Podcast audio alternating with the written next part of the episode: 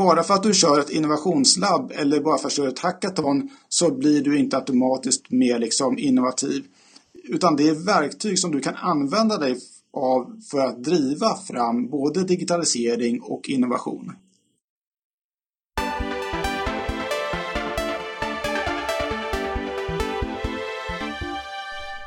Välkommen då till Effekten, det här vi optimerar arbetet runt eh, den pågående digitaliseringen. Och vi återvänder återigen till ett ämne som vi har med här några gånger i effekten. Bara för att det är någonting som vi känner är vårt nästa steg. Eh, välkommen Tobias Dexell. Tack så mycket. Vi ska prata innovation och kreativitet. För det är nämligen så att digitaliseringen ringer här och undrar, vi behöver ha hjälp här eh, Tobias. Eh, så vi börjar med, vad är då kreativitet och innovation och varför är du så bra på det? Jag tror att det är jätteviktigt att man definierar de här begreppen innan man liksom börjar eh, experimentera med dem. Men för mig handlar kreativitet, om man tar det som första ord, det handlar om förmågan att tänka nytt och annorlunda. Eh, men det handlar också om förmågan att kunna genomföra de här nya och annorlunda idéerna. Så det räcker alltså inte bara med att sitta och tänka, man måste också göra. Eh, och det där är lätt att man lite grann inte riktigt förstår. Så man tänker att kreativitet handlar om think outside the box. Det tror inte jag alls att det gör. Jag tror att det handlar väldigt mycket om think inside the box. Att våga tänka nytt och annorlunda utifrån ett antal begränsningar. Men också att våga ta de här idéerna till genomförande. Och från kreativitet kan man sedan hamna i innovation. Eh, och det har ju att göra med att innovation, då måste den här idén eller saken som man har tagit fram leda till någonting som marknaden ändå vill ha och efterfrågar. Gör man inte det så, så blir det ingen riktig innovation. Det kan väl stanna i någon form av liksom kul uppfinning. Men är, är det individer vi är ute efter som är innovatörer och kreatörer? Någon som du som får oss att eh, gå vidare? Eller en hel organisation? Eller är det hela samhället vi, vi, vi måste prata om när vi pratar kreativitet och innovation? Ja, det vore lite förmätet av mig att säga att jag alltid är den här personen som man ska vända sig till. Men jag tror att ibland så kan jag vara den personen som man eh, kan vända sig till. Eh, fördelen med att vända sig till mig, det är att jag är konstant rastlös, aldrig riktigt nöjd, har en vilja av att rö alltid röra mig framåt. Vilket på något sätt gör att jag blir aldrig riktigt den här specialisten utan snarare generalisten som har varit i väldigt många verksamheter och områden och någonstans samla mönster som jag tar med mig till nästa område som jag kommer till. Så jag är ungefär som det här biet eller humlan som rör sig mellan olika blommor och förhoppningsvis lyckas pollinera någonting. För att nu kommer vi till ett exempel. Vi pratar om för min del och det jag jobbar med är ju digitaliseringen och jag känner att det, det handlar om att företag och organisationer som kommer till mig nu, de känner att de är färdiga med sina verktyg, de är färdiga med sina processer, de kanske till och med är färdiga som de anser då med digitaliseringen. Så de frågar, vad är nästa steg?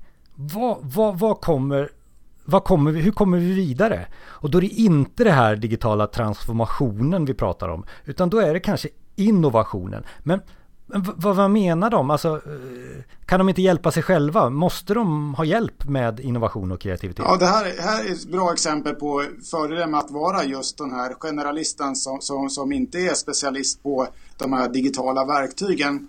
Därför att det blir väldigt lätt hänt att man fastnar i att tänka att nu har vi skaffat de här verktygen. Vi har kört ett antal hackathons och vi driver ett antal innovationslabb och det ena och det andra. Och återigen, svaret finns att det är bara verktygen. Bara för att du kör ett innovationslabb eller bara för att du kör ett hackathon så blir du inte automatiskt mer liksom innovativ. Utan det är verktyg som du kan använda dig av för att driva fram både digitalisering och innovation. Säger du att det är en quick fix att köra ett hackathon alltså? Eh, jag tror att om man tror att ett hackathon ska lösa alla ens problem eh, då är man enligt min, min, min, enligt min mening ganska naiv för att det, så fungerar inte den innovativa processen. Eh, det är inte en quick fix vi letar efter utan vi letar efter eh, ett långsiktigt eh, strategiskt arbete på hur man driver den här typen av förändring. Och då kan ett hackathon vara ett av flera verktyg som man skulle kunna använda sig av. Och jag, vet, jag har lyssnat på dig tidigare och då du pratar om olika typer utav eh, värden eller olika saker som man behöver ha runt omkring sig. Och eh, nu tar jag kanske lite över det här men jag har läst den här boken The Smartest Places on Earth och där handlar det om att man, man har rätt ekosystem, man har rätt fokus, man har rätt kunskap, man, man har kunskapscenter, man är nära en huvudstad. Eh, det är väldigt mycket sådana här eh, om och men och kanske om du har alla de här då är det receptet för ett bra ekosystem för innovation och nya saker. Du har säkert andra sätt du har sett som är bra recept. Ja, det här är lite roligt. Att det är lite mm. kopplas tillbaka till den här quick fix-lösningen. Alla letar efter det här hemliga receptet eh, som tydligen ska finnas där, där, där då man får någon form av förändring. Och jag tror inte att det är så enkelt. Jag tror, dels så tror jag att det finns en, en mängd olika recept. Men lägger man de här recepten bredvid varandra så kommer man återigen, tror jag, se ett antal mönster. Det vill säga att om du vill ha riktig liksom, förändring så är det här ingen liksom, enmansshow. Det kräver någon form av samarbete. Eh, någon form av liksom, ekosystem. Eh, dessutom också som så att ett annat vanligt fel som många gör det är att man ofta tänker att man ska liksom, lösa de här extremt svåra problemen eh, direkt. Och det fungerar ju inte heller utan det handlar ju väldigt mycket om att våga bryta sönder de här problemen i mindre enheter. Låta fler vara med att, eh, och prova sig fram och eh, experimentera och eh, ta fram nya lösningar. När du eh, pratar så pratar du också om kopplingen till Nobelpristagare och att det kommer fler Nobelpristagare ut ur Cambridge än det kommer ut från de italienska eh, eh, gamla, gamla universiteten. Eh, så. Ja, men alltså, det här med undervisning och det här, det är väl inget bra recept för innovation och Nobelpristagare i framtiden, eller? Ja, så här är det. Alltså, jag har ju en bakgrund. Jag jobbade ju över åtta år på Nobelmuseet som intendent eller så kallad curator. Eh, och det jag roade mig med var just att analysera Nobelpristagare utifrån ett kanske lite annorlunda perspektiv. För jag menar ju då på fullast allvar att en sak som är gemensam mellan samtliga Nobelpristagare är just deras förmåga till kreativitet. Alltså förmågan att tänka nytt och unikt men också att genomföra sina idéer. Och här blir det ju intressant, för om man då börjar räkna platser i världen som genererat många Nobelpristagare, då kommer man, precis som du var inne på, mycket riktigt se att Cambridge har genererat väldigt många. Om man ska vara riktigt exakt så är det 98 Nobelpristagare nu utav 923. Och då är den stora frågan, varför gör de det? Hur, kan de, hur har de lyckats bygga fram den här lösningen? Och skulle man fråga Cambridge själv så säger de antagligen, ja men det har att göra med våran, våran tradition. Vi är så pass gamla. Eh, men det tror inte jag riktigt håller. Återigen, det är en sån här quick fix lösning att man säger att den måste ha funnits i över 800 år för att få någon förändring. Det Cambridge väldigt mycket gör och det är egentligen många universitet i grunden syftar till, det är ju de här crossdisciplinära mötena. Och det Cambridge har gjort väldigt mycket det är att som sagt arbeta med hur får vi till den här typen av möten när människor från olika bakgrunder och discipliner möts och tar del av varandras kunskap. Och det gör Cambridge bland annat genom att anordna så kallade high table dinners. Eh, och det är just det här att man strategiskt systematiskt sett arbetar för att få till möten mellan olika typer av människor som är en extremt viktig ingrediens i arbetet med innovation. Och då blir vi lite konkreta. Vi ska alltså ha fem timmars eh, middagar inom eh, ett konsultbolag som håller på med digitalisering. Då blir vi kreativa. Nej, jag, kanske man inte ska ha fem timmars middagar. Jag tror att risken är att om man tänker att man är ett konsultbolag, att, att all tid som man ägnar ska gå åt att tjäna så pass mycket pengar som möjligt.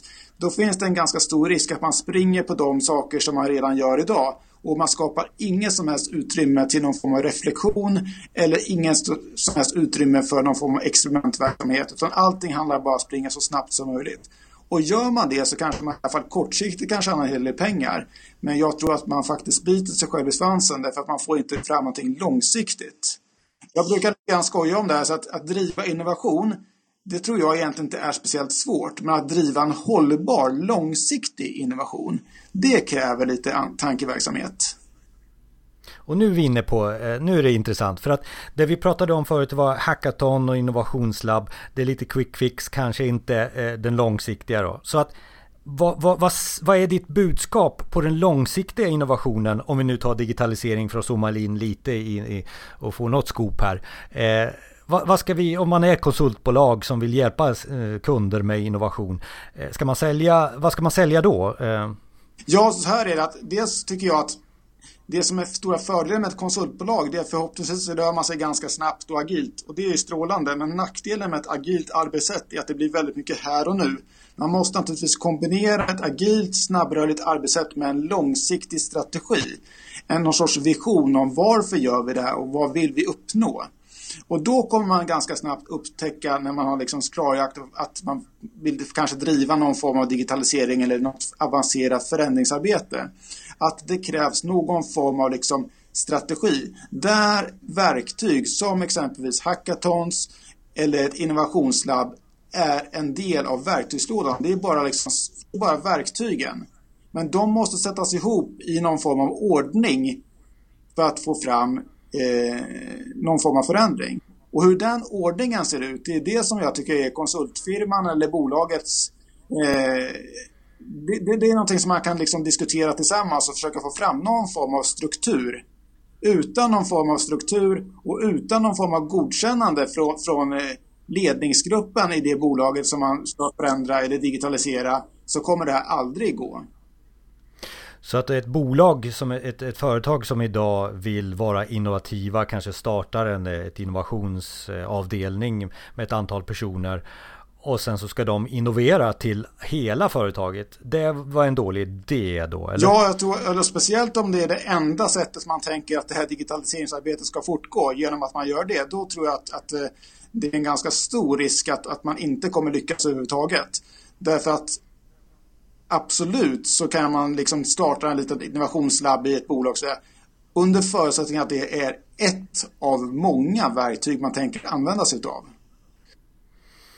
Och, och, nu tänkte jag förstås att fråga här på, på slutet efter den ultimata checklistan. Men jag har förstått på ditt svar tidigare här att det handlar om små bitar som man får sätta ihop utifrån sina egna förutsättningar. Men det är inte en sak man ska satsa på utan flera. Nej, och jag, jag har faktiskt laborera ja. med det. För jag mötte någon tidigare som sa att att kreativitet plus risktagande blir innovation i någon slags eh, formel.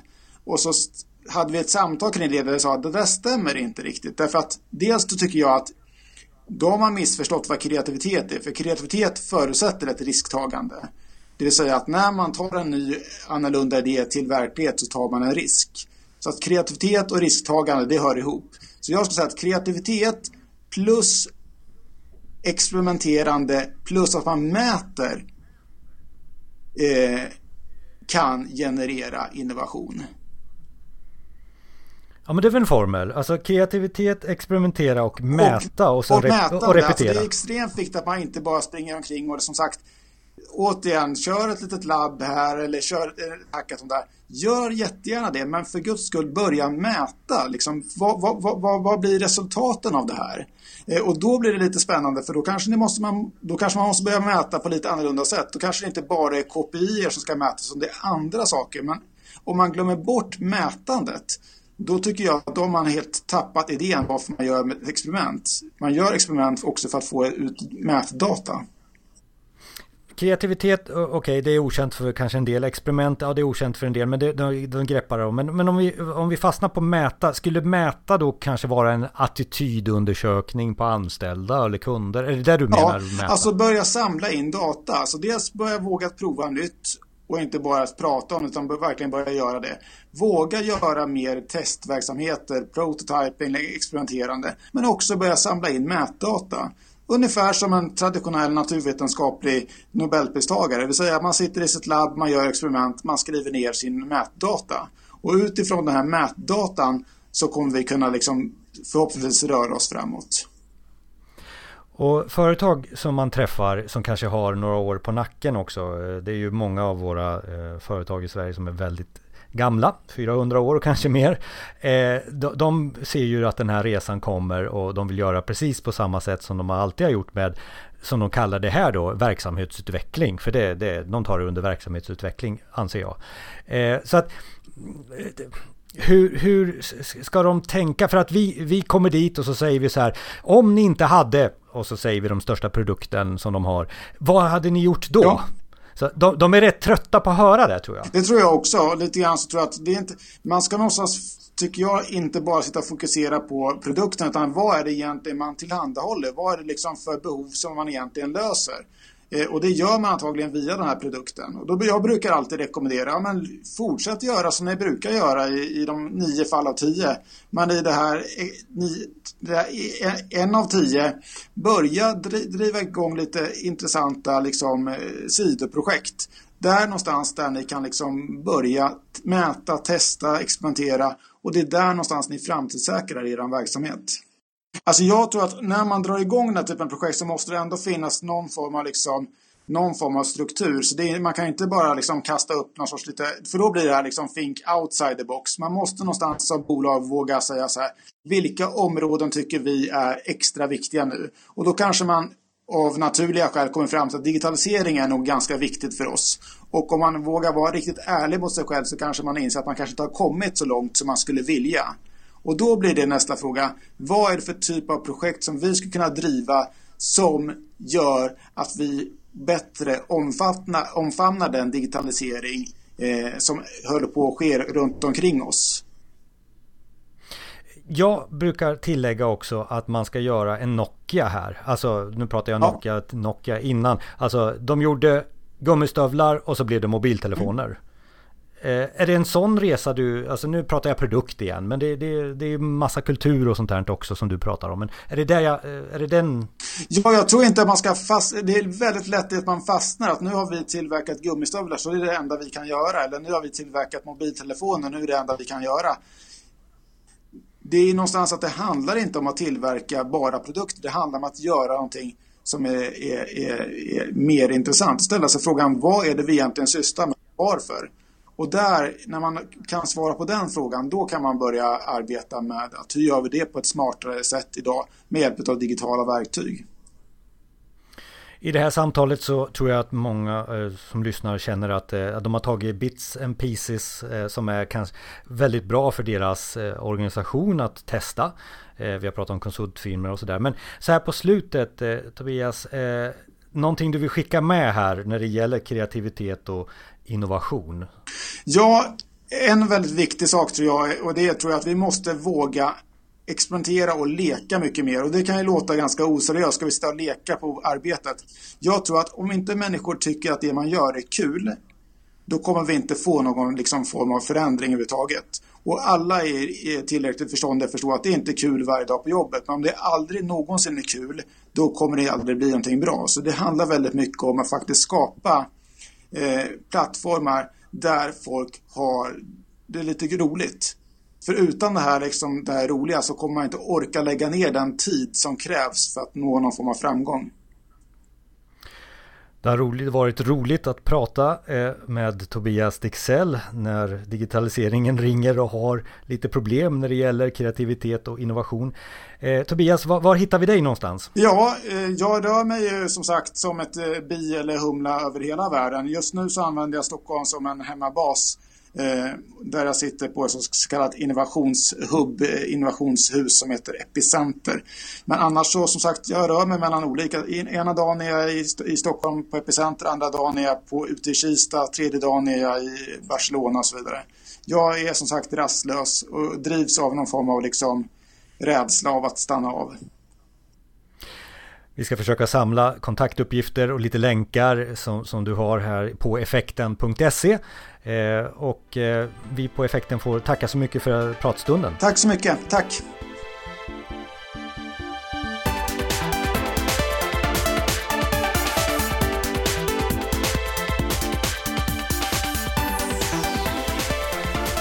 Och på effekten.se finns mer avsnitt och mer med Tobias Dexell. Vi har extra material och ett eftersnack där vi pratar väldigt, väldigt ärligt om vad handlar det om det här vi ser framför oss? Vad är samhällsutvecklingen? Hur kommer de här två systemen att mötas egentligen som vi ser framför oss? Och hur kan U21-landslaget hjälpa oss? Lyssna där på effekten.se eller direkt härefter i din eh, podcast-feed.